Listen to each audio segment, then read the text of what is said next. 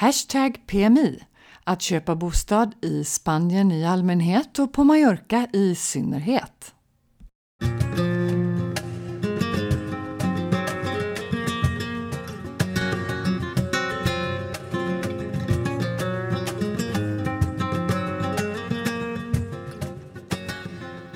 Hej och välkomna till Hashtag PMI. Idag ska vi prata om att köpa bostad i Spanien och på Mallorca. Och vi som pratar är Helena. och Katarina.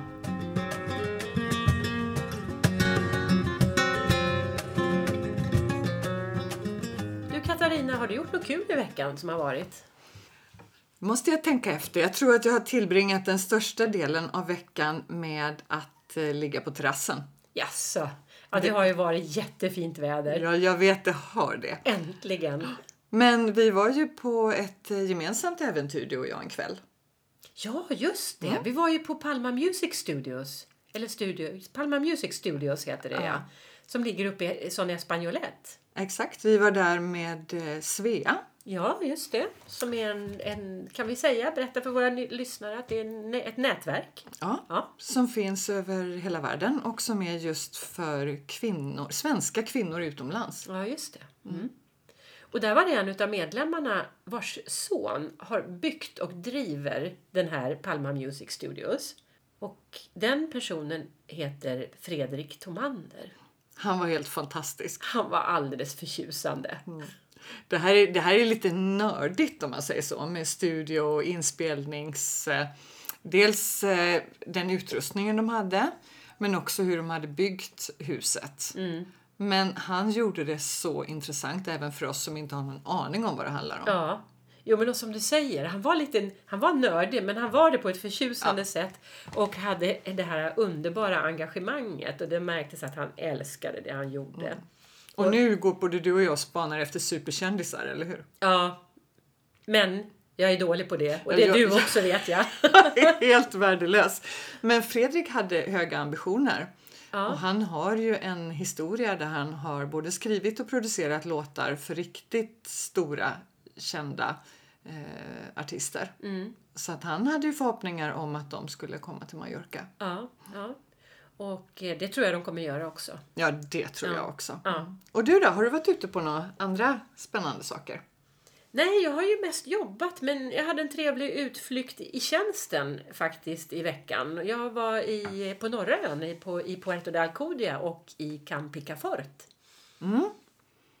Då, är det, då pratar vi badorter. Det är badorter, ja. ja. Eh, och de här ligger ju precis eh, ja, men så, eh, på det, verkligen så långt norrut egentligen man kan komma tror jag på Mallorca. Om man, ja, utom den här udden som sticker upp jättehögt. Då. Eh, och det är ju en jättestor bukt, helt underbar sandstrand som är hur många mil Ja. som helst. Eh, och i ena änden då så ligger Puerto de Alcudia och där eh, sen eh, i andra änden så ligger Camp Picafort.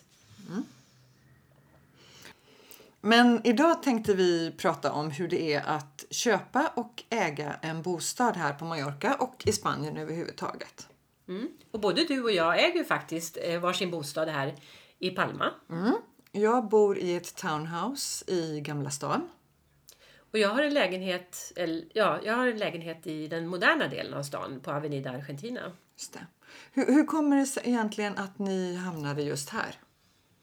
Ja, det, var, det var en ganska lång resa. Från början när vi började titta så, eh, så efter ett tag så utkristalliserade det sig att min man och jag vi ville helt olika saker egentligen. Jag ville ha en, eh, en modern lägenhet i stan och min man ville ha en finka på landet. Och vad ser man nu? Modern lägenhet i stan, eller hur? Ja, det blev ju så då. Gud vad märkligt! Han tycker också det. Plötsligt bara händer det. Ja, så kan Men det vara. vi gick också igenom en ganska lång process Mm. innan vi kom fram till vad det var vi egentligen ville ha. Och det är lite sånt som vi gärna vill tipsa om. Och en av de, eh, ett av de bra tipsen är att fundera över när är det egentligen jag har tänkt att använda mitt boende i Spanien? Är det eh, weekends och semester och skollov? Eller är det så att jag vill eh, tillbringa vintern i Spanien. Sex månader i stöten liksom. Ja. Eller är jag nära pensionen och kanske om två, tre år möjligen kan bo där längre tid. Tio, tio månader om året. Ja. Bara vara hemma juli, augusti. Ja. Eh, För det spelar rätt så stor roll, för en del områden är kanske inte så himla festliga när Nej. det inte är säsong. Nej, de är ju inte det. Eller tycker man det är helt underbart att det är helt ödsligt och tomt? Ja, Vad vet jag? Ja, jo, det, så kan det ju faktiskt vara. Att det är skönt att, eh, att eh, orterna avfolkas lite grann och det blir lugnt så. Men vissa, en del, det är ju inte så roligt om du går förbi tio igenslagna butikslokaler dag ut och dag in och de aldrig öppnar. Det, blir, det gör någonting liksom. Det funkar inte riktigt. Medan de ställena kan vara helt fantastiska sommartid. Om man, bara, om man är där när det är högsäsong. Ja. Så att, eh, fundera lite, att fundera lite grann på var man ska bo. Ja. Eh, Och vilket, vilket liv man vill leva här på Mallorca eller Spanien. Och då också fundera på eh, vad är det jag vill ha? Är det en eh, modern lägenhet som du pratade om förut eller är det en gammal charmig romantisk finka? är det ett inne... Blommande bougainvillea. Ja, men vem vill inte det? Alla vill ha bougainvillea, så är det. Eller är det ett inhägnat område med gemensam pool? Vill jag ha utsikt? Så lite sånt tycker jag man kan fundera över Mm, ja. innan. Ja, Och något annat som är bra, det är ju hur funkar kommunikationerna? mm, precis. Finns det flyg till just det här området? Mm. Hur lång tid tar det att ta sig från flygplatsen till mitt, min bostad? Mm. Går det allmänna kommunikationer överhuvudtaget? Ja, Det är ju så skönt att bo inne i Palma. mm, det är det. Tio minuter från flygplatsen. Ja. Det är faktiskt väldigt smidigt. Och det gör ju att man kan, man kan ju flyga hit en helg väldigt lätt. I alla fall om man bor, nära en internationell flygplats i Sverige. Ja, ja. Direkt För då- flyg och sen 10 minuter. Ja, precis. Ja, så det är jätteskönt. Men eh, det tänker jag på också när det gäller att välja, välja bostad eller välja ort eh, här på Mallorca. Alltså för, för det första så är det ju, om man väl har bestämt sig för Mallorca då, då, där, då, då kan man ju tänka så här att eh, de orter som ligger nära en stor väg, dit tar jag mig ganska lätt och ganska snabbt. Men de små byarna som ligger lite mer avlägset och är de uppe i bergen då kan det ta lång tid att åka dit. Och särskilt när, när det är mycket trafik eller cyklister eller sådär ute på vägarna. Då kan det bli... eh, Då får man kan räkna med ganska eh, lång tid ifrån flygplatsen. Och att du alltid måste ha egen bil då, eller hyrbil. Ja, precis. Mm. Ja, eller åka taxi då, men, men nej, det låter opraktiskt. Ja, jag tycker det låter dyrt också. ja, jo, det, det gör väl det. Eh, Ett annat tips är ju att åka ner och eh, provbo. Att Mm. hyra bostad innan. Vi, var, vi hyrde en lägenhet i Gamla stan. Jaha. Mm. På femte våningen utan hiss. Mhm. Jättesmal trappa. Oj! Och då förstod ni att ni, inte- att ni ville ha hiss? Det har vi inte. nej. Nej, men det, alltså, det var ändå en liten... Eh, eh, alltså, det, vi, det gjorde ändå att vi funderade på hur, om vi var beredda att klättra i trappor. För de trapporna som finns i de gamla husen här, det är verkligen klättring som gäller. De är smala och branta. Ja, och i och med att man bär ganska mycket vatten och liknande så mm. tål det att tänka på. Mm, Andra kom bekanta till oss. De gjorde så att de tog tre veckor här nere med tre olika bostäder. Jaha. En vid golfbanan, en lägenhet in i stan och ett hus vid havet. Åh. Och vad blev det sen då? Det blev golfbanan. Jaha, var det... Okej. Det var det som passade dem bäst. Ja, Men det, det är faktiskt ett bra tips. Ja. Sen när man har konstaterat ungefär vad det är man vill ha så är det dags att kontakta en mäklare. Och det där känner du till en hel del om, eller hur? Ja, jag, jag jobbar ju på en mäklarfirma eh, här på Mallorca. Jag är inte mäklare själv. Eh, men jag arbetar på Bjurfors som har sitt kontor nere i La Lonja. Så att jag umgås ju med mäklare dagligen. Så jag har lite, jag har, jag har lite inblick i branschen. Bra! Då delar du med dig av alla dina hemligheter idag. Jajamensan, Ja, jag, lovar, jag lovar att berätta allt. Och det är lite annorlunda, eller hur? Ja, det är det. Den, och den stora skillnaden, eller egentligen är det väl två stora skillnader. Den första är att mäklaren eh, eh, har en, en annan inriktning än i Sverige och har inte lika lång och gedigen juridisk utbildning som i Sverige. Och du behöver heller ingen certifiering för att arbeta som mäklare i Spanien. En del mäklare har ju ändå lång utbildning och mycket kunnande så det behöver inte innebära att de inte, att de inte kan någonting. Men det, det, det ska man veta att just det här, du, du kan inte förvänta dig den juridiska kunskapen eh, hos, av en mäklare på, i Spanien. Så... Eh, så sa du att det var två saker. Just det. Och det andra är att eh, det är... I, i, mäklarna har inte exklusivitet på eh, fastigheterna och de lägenheter och bostäder som de förmedlar. Utan samma hus eller lägenhet kan finnas till salu eh, hos flera mäklare.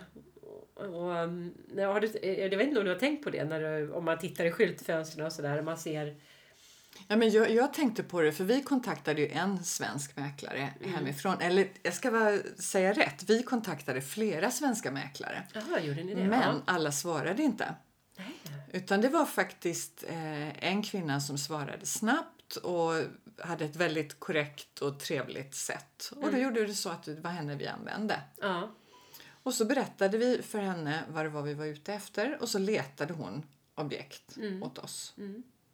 Mm. Och det är så det eh, ofta fungerar. Att det, att det, det blir köparens mäklare och att de eh, agerar detektiver helt enkelt här medan du är kvar i Sverige och eh, letar upp objekt åt dig som, eh, som hon eller han sedan kan visa när du kommer hit och, eh, och eh, vill se dig omkring. Och då vet jag ibland så, alltså ibland kunde det vara väldigt trångt när vi var och tittade på lägenheter. För det var Hans och jag eh, och sen var det vår mäklare och sen var det säljarens mäklare ja, just det. också ja. som var med. Ja. Så det var en himla massa folk ibland. Mm. Och det är, ju, det är ju det här att marknaden inte har, eller att, det inte, att inte mäklarna har ensamrätt på, eh, på bostäderna. Utan att de kan ligga ute med flera mäklare. Och eh, då, mm, då blir det också så att eh, din mäklare kan leta upp någon annans Just det. Eh, Vilket ja. Egentligen är det jättesmidigt för du ger ett uppdrag åt en mm. mäklare att hitta en bostad till dig. Ja, ja. ja. Men, Men ja. ja. nej, jag tänkte på det här att hemma sitter man ju ofta och surfar runt på Hemnet. Mm. Mm. Vissa är ju riktiga Hemnet-knarkare. Ja, men det är ju... Man kan ju sitta i timmar alltså. Visst är det roligt? Ja, men vad är det för drivkrafter som får oss att bara sitta där Nyfikenhet. Ja, och, drö och drömmar. drömmar. Ja, ja. ja, Visst är det så. Men ja. det funkar inte lika bra här nere. Eh, nej, om du säger det. nej, alltså, jag tänker Hemnet finns inte. Jag har inte hittat någon sån sida. Nej, Eh, det stämmer. Men det har kommit faktiskt en spelare som precis har börjat, eller eh, i alla fall har de inte varit i, på Mallorca så väldigt länge. Men det är ett svenskt företag som försöker göra ett Hemnet för Spanien. Eh, och de, har, de har mera gemensamt med Hemnet faktiskt. För det är de som nyckelpersonerna som drog igång Hemnet en gång i tiden. Eh, som ligger bakom det här nya. Då. Det heter MyMove. MyMove? Ja. Mm. Du har inte hört talas om det? Nej. Nej. Eh, det stavas M-I M-O-V-E. Mimove. .com har de. Mm. Så där kan ja. du knarka hej vilt. Det ska jag göra direkt ja. efter det här avsnittet. Ja. Men då, jag tror att de kan, de är i sin linda men eh, jag tror att de kan bli bra för att de har lite, alltså de jobbar långsiktigt och de verkar seriösa och de verkar vilja satsa och sådär. Så att ja, prova det. Mm. Mm. Vad, vad kul, för det är någonting som har saknats på den spanska marknaden tycker jag. Mm. mm. Och sen då, när man då har kontaktat sin mäklare Mm. så är det ju inte riktigt som hemma heller när man kan gå på visningar varenda helg för du sitter kanske ett par hundra mil härifrån. Mm. Utan då åker man hit en helg eller en vecka och då gäller det förstås att boka in så många visningar som bara möjligt. Ja, precis. Och nu säger du helg, och det är, men då kan, då kan man tänka på att många gånger så är de här lägenheterna bebodda fortfarande och om de är bebodda av spanjorer mm. så då är det svårt att få se dem på en söndag till exempel. Ja, men v- bra Ja. tanke. För det är ett katolskt land det här. Ja. ja, så att eh, lägenhetsvisningar eller bostadsvisningar på bostäder som är bebodda på söndagar, det förekommer i princip inte.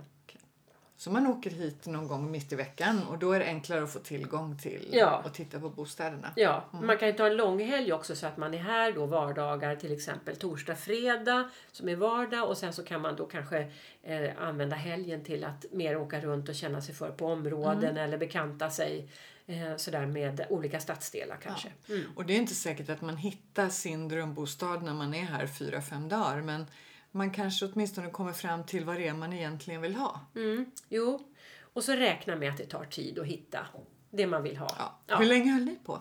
Eh, ja, jag tror att vi höll på i ett år, eller mer än ett år kanske. Vi letade i ett år 40 objekt. 40 objekt. Ja. Ja. Och vet du att det som vi sen köpte var det andra vi tittade på. Jaha. Det låg liksom i bakhuvudet hela tiden. Ja, ja. Men tack vare att vi tittade på så många fler så var vi övertygade om att ja, men det är det här som vi verkligen vill ha. Mm. Så det fick er bara säkrare på att det var det. Ja, faktiskt. Ja, vi eh, tittade också på väldigt många objekt och vi köpte faktiskt ett objekt redan innan vi köpte det här. Men det blev ingen affär för säljaren drog sig ur. Ångrade sig när han såg Ja. att någon annan ville ha det. Ja, nej, det var, han var otålig och det tog för lång tid med vår advokat och det var, eh, ja, det var någonting som gick fel där. Och vi är inte, än idag är vi inte riktigt säkra på vad som hände men nu när jag har lärt mig mer om branschen så, har jag, så gissar jag att det var eh, vår eh, mäklare som var inblandad den gången. Det var inte den som vi köpte med sen nästa gång. Eh, eh, men den mäklaren var inte så engagerad och eh, förmedlade inte säljarens eh, otålighet till oss till exempel och därför kunde inte vi förmedla den till vår advokat. nej. Så det var, det var, det var lite jobbigt. och så blir det ju ännu jobbigare när man inte är på plats tycker jag. ja, oh ja, oh ja. Man kan liksom inte göra någonting åt det på Man samma känner, sätt. man känner sig inte delaktig. Nej. Så Eh, det är viktigt att man har en mäklare som man litar på. Ja. Och sen när man väl har hittat den här drömbostaden då, då är det dags att lägga ett bud. Och det funkar inte riktigt som hemma heller. Nej, för eh, hemma blir det ju ofta... hemma blir det ofta budgivning uppåt eftersom det finns flera spekulanter på samma bostad. Men eh, här ligger ju eh, eh, bostäderna ute mycket längre och ofta är du ensam spekulant Ja. just då. Jag är så glad att slippa budgivningen. Ah, snacka om att det är något som kan få en att Ja, gud må ja. illa. Ja, det är ju ja, det är värsta kohandeln. Och det där plingandet i mobilen. Ja, och ja. Jag tycker det är vidrigt både om man är säljare och köpare. Ja, För och det är så sånt- mycket pengar. Ja. Men här kan man ta det lite softare då. Och här kan man då lägga faktiskt ett bud under eh, det priset som, eh, som säljaren har begärt. Det är inte säkert att det går alla gånger, men ofta är det så att du kan komma ner ungefär 5 Ja. Mm. Och det var någon som sa till mig att det, den genomsnittliga tiden för att sälja en bostad här är 15 månader. Ja, det stämmer nog. Så det, det beror ju lite på hur sugen säljaren är på att bli av med sin bostad. Mm, mm. Vad man har för möjligheter Ja. att, att pruta. Ja, men och sen när man eh, har då kommit överens om priset, då är det dags att skriva optionskontrakt. Och då behöver du någonting som kallas för nio nummer. Just det. Och när du säger det då får jag här rysningar. Jaha, varför då? då? Ja men det är ju välkommen till den spanska byråkratin. Ja, ja. Även om att skaffa ett nio nummer är ju inte något av de värsta sakerna du gör. Eh, Men det är ändå en procedur. Mm. Hur gjorde du då? Ja, men vi var här nere och vår mäklare var toppen. Hon hjälpte oss verkligen och guidade oss. Men först skulle vi till ett eh, kontor och om jag minns rätt så fick vi där ställa oss i en kö och förklara sen att vi skulle ha ett nio nummer och så fick vi någon blankett att fylla i så skulle vi ta med oss den här blanketten till banken och det var en bank där man bara kunde betala avgiften på torsdagar och det Ja. var naturligtvis inte en torsdag. Men som tur var så lät de oss betala i alla fall och så skulle man åka tillbaka till det här första stället och visa sitt kvitto att man hade betalat Ja. och att man hade fått sitt dokument stämplat. Ja, stämplar är viktiga. Väldigt Stämplar är jätteviktiga. Och så småningom så fick vi då det här nio-numret. Eh, och då får man ett dokument som visar ditt nio-nummer för tre eller möjligen sex månader. Och sen får du förnya det här dokumentet. Det är samma nummer men då får du ett permanent dokument som visar ditt nio-nummer. Och, och det är alltså ett identitetsnummer för oss som inte är residenter i Spanien. Ja, som inte är spanska medborgare. Ja, just det. Så ja. heter det. Mm. Ja, just det. Ja. Jag, skaffade, jag skaffade nio nummer i Sverige. Eh, för eh, det, det, ja, det, det var naturligt eftersom vi, eh, vi kom överens med köparen när vi var i Sverige. Eller förlåt, med säljaren. Eh, Så jag och min man vi gick till spanska ambassaden i Stockholm. Vi är stockholmare då, så att, eh, då var det ju enkelt för oss. Och det var ganska smärtfritt. Jag tror att det står på deras hemsida att det ska ta tre veckor. Men jag tror inte att det gjorde det. Det tog, tog nog bara en och en halv vecka eller någonting. Vi gick till spanska ambassaden som ligger så vackert på Djurgården. Ja, tog med vet. oss våra pass och sa vi ska köpa lägenhet på Mallorca. Kan vi få ett nio-nummer? Ehm, Ja, sa de och så tog de fram stora stämpeln. Nej, det kommer jag inte ihåg. men det var säkert stämplar involverade. Nej, men eh, sen kom de, eh, sen kom de via e-post efter, efter en tid. Ja. Så det var väldigt smärtfritt men eh, det, var inte, det gick inte på samma dag. Men Nej, men ändå. Mm. Ett, ett tips. Gör det i Sverige om du kan. Mm. Så nio nummer måste man ha. Och sen Ja. så gäller det att ha en eh, advokat också. Ja, Och då kommer vi tillbaka till lite det du sa i början att de spanska mäklarna har inte samma Nej, precis. utbildningskrav eller kunskapskrav. Ja. Och det är en del eh, som frågar ibland så här, måste man verkligen ha en advokat? För det är förknippat med kostnader så. Men jag skulle inte köpa en, en fastighet eh, i Spanien utan en advokat. Och det beror på att det, det, alltså man måste ha en massa papper. Eh, man, bostaden måste vara laglig, alltså det måste vara en bostad. Det måste vara liksom certifierad som bostad. Så att det inte är en lagerlokal eller en Ja, kommersiell fastighet. Ja, eller att kanske fastigheten är utdömd som bostad. Att det, Ja. Du vet, det kan vara massor med grejer och det kan också vara lite trassel med eh, ägandet sådär, för det kan vara ganska komplicerade ägarförhållanden ibland. Så att, nej, en advokat, det, det är att rekommendera. För då slipper man väldigt mycket huvudvärk själv. Mm. Så det är en liten kostnad med det, men det, det, det ska man göra. Nej. Och det, vi sa, nämnde väl det förut när vi pratade om priset. Eller kanske vi inte gjorde. Att det tillkommer ungefär 10 procent Mm, mm. på eh, den summan man har kommit överens om. Och det går just till eh, skatter, licenser, advokat. Mm. Och registeravgifter och sådana där saker. Så ungefär 10% på det, det priset som man betalar ska man räkna med att få betala eh, till annat. Ja, det. Och sen när man då är i kontakt med advokaten så kan man passa på att eh, skriva en del andra juridiska dokument, bland annat ett testamente. Mm. Och det är en av anledningarna är att det är hög arvsskatt här i Spanien. Mm. Har du skrivit testamente? Ja, Mm. det har vi gjort. Vi fick hjälp av vår eh, advokat i samband med köpet att göra det. Ah, ja, ja. Och eh, vad jag, nu kommer jag inte ihåg precis exakt vad som står, men eh, huvudandemeningen är i alla fall att det ska vara svensk lag som gäller. Mm. Svensk arvslag som svensk gäller if, arvslag. ifall det skulle hända dig någonting. Ja, Mm. exakt. Mm. Sen har jag hört någonting om att du kan ändå inte komma undan arvsskatten på själva bostaden. Nej, just det. Ehm, nu ska vi se. Vi gick en kurs i det här nyligen eh, och det var en jättebra kurs. Ehm, men jag har ju lite dåligt minne. Men det är så här att i Sverige har vi ingen arvsskatt. Nej? Men, och i Spanien har man arvsskatt. Eh, och om du då är svensk så kan du säga att ja, men jag vill att mina tillgångar ska beskattas enligt svensk lag. Men den, de, de tillgångarna som finns här i Spanien, det vill säga din bostad, den måste skattas här. Men den skatten är för närvarande inte så hög på Balearerna. Det är olika olika regioner i Spanien men Balearerna är den inte så hög.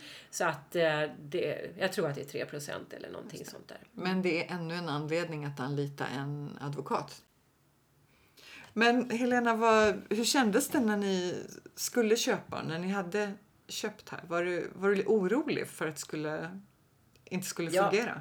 Ja, jag var jätteorolig. Som jag berättade så hade vi ju, en affär hade ju redan havererat för oss. Just det. Och det var ganska tufft för jag, du vet när man köper en bostad så, där, så kommer man överens om priset och, och så, då börjar man ju rent mentalt bara flytta in liksom. Eh, och drömmen var, eh, jag hade drömmen i min hand. Eh, och andra gången, andra varvet då, då, ja, då var jag riktigt nervös att det skulle gå fel helt enkelt. Ja, jag kommer ihåg att eh, jag tyckte det, alltså det är ju så mycket pengar det handlar om. Ja, Oavsett var i världen man köper en bostad så är det ju en stor affär. Och sen när man är lite obekant med regler och lagar och hur det fungerar.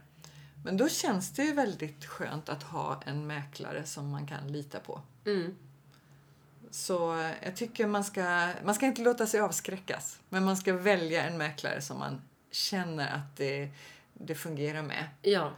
Och som man har någon slags garanti. Visst kan man ta referenser på mäklare? Det borde man kunna göra. Ja, det kan man ju säkert göra. Det borde, där borde jag veta. Men, men jag har faktiskt aldrig, jag har aldrig hört talas om någon som har gjort det. Men jag menar att man kan göra på ett enkelt sätt genom att fråga andra som har köpt bostäder. Ja, Vilken jo, mäklare använder ni? Var ni nöjda? ja. Och på, ja, nu, nu, jag ska inte, nu ska inte jag tala i egen sak men, men eh, det här skulle du kunna klippa bort sen. Ja, ja. Eh, Men eh, en seriös mäklare utvärderar ju sina, sina affärer så att då kan man säkert få telefonnummer till en gammal kund också. ja precis.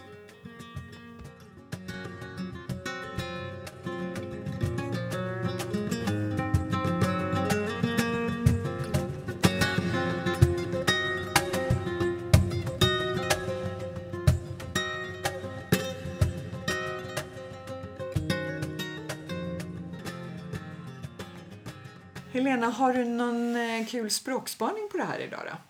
Nej, jag har- funderade på det. Vad kan man koppla språk, köpa bostad till, till eh, språkspaning då? Men jag har inte kommit på någon sån här kul, klurig grej.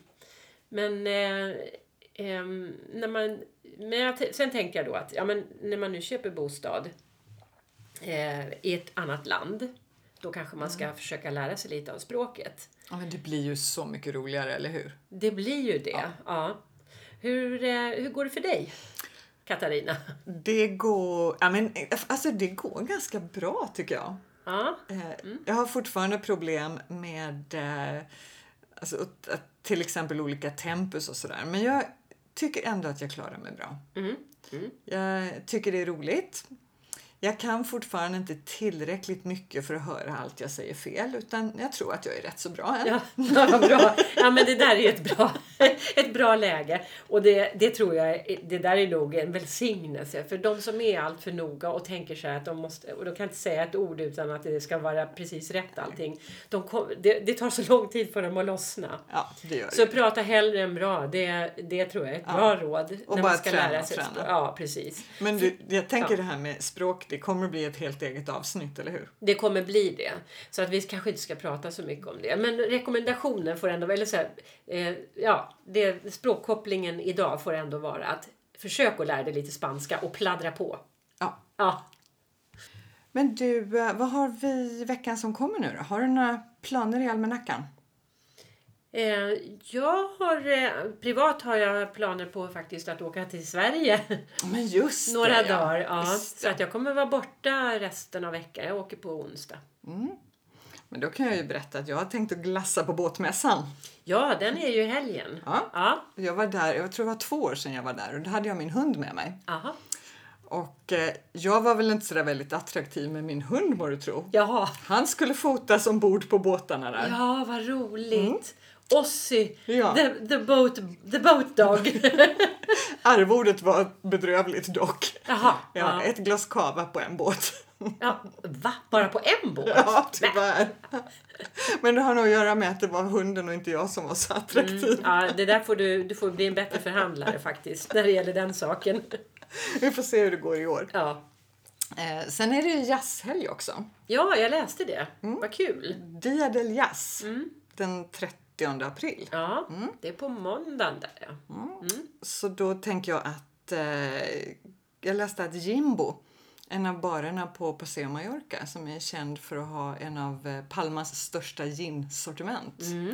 Där hade de något som heter Jazz and Gin. Ah. Vad tror du om det? Ja, det låter ju, det låter ju som en match made in heaven. Eller hur? Ja, Eh, Så läste jag också om ett cocktailmästerskap. Balearernas cocktailmästare ska utses.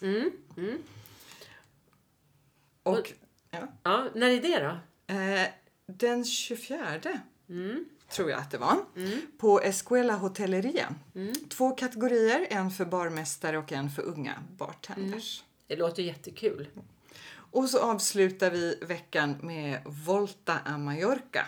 Vad är det för någonting då? Det är ett jättestort motorcykellopp med fler än 6 000 motorcyklar som deltar. Jaha, är det därför Palma översvämnas av motorcyklar? Precis. Så jag tror att jag kommer ihåg att jag har varit med om det Ja. tidigare år. Ja. Alltså de ställer upp på Avenidas utanför El Corte Inglés på söndag halv tio på förmiddagen. Och eh, ja, men du vet när de startar sina motorer. Det är Ja. ju ett vrål utan dess like. Ah, du hör det hem till dig eller? Det kommer jag definitivt att göra. Ja, ja.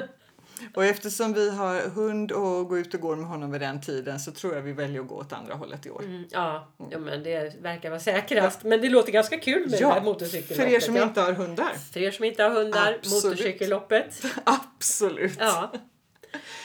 Men du, eh, känner vi oss lite klara för idag? ja, då får vi ut och göra gin och jazz och motorcyklar och allt vad vi ska göra för någonting. Och så. Eller vi och vi, du ska åka till Sverige. Ja, men jag hinner med, jag hinner med bar cocktail-tävlingen i alla fall. Ja, härligt. Ja, men så ses vi nästa vecka. Ja, det gör vi. Ja. Hej då! Hej då!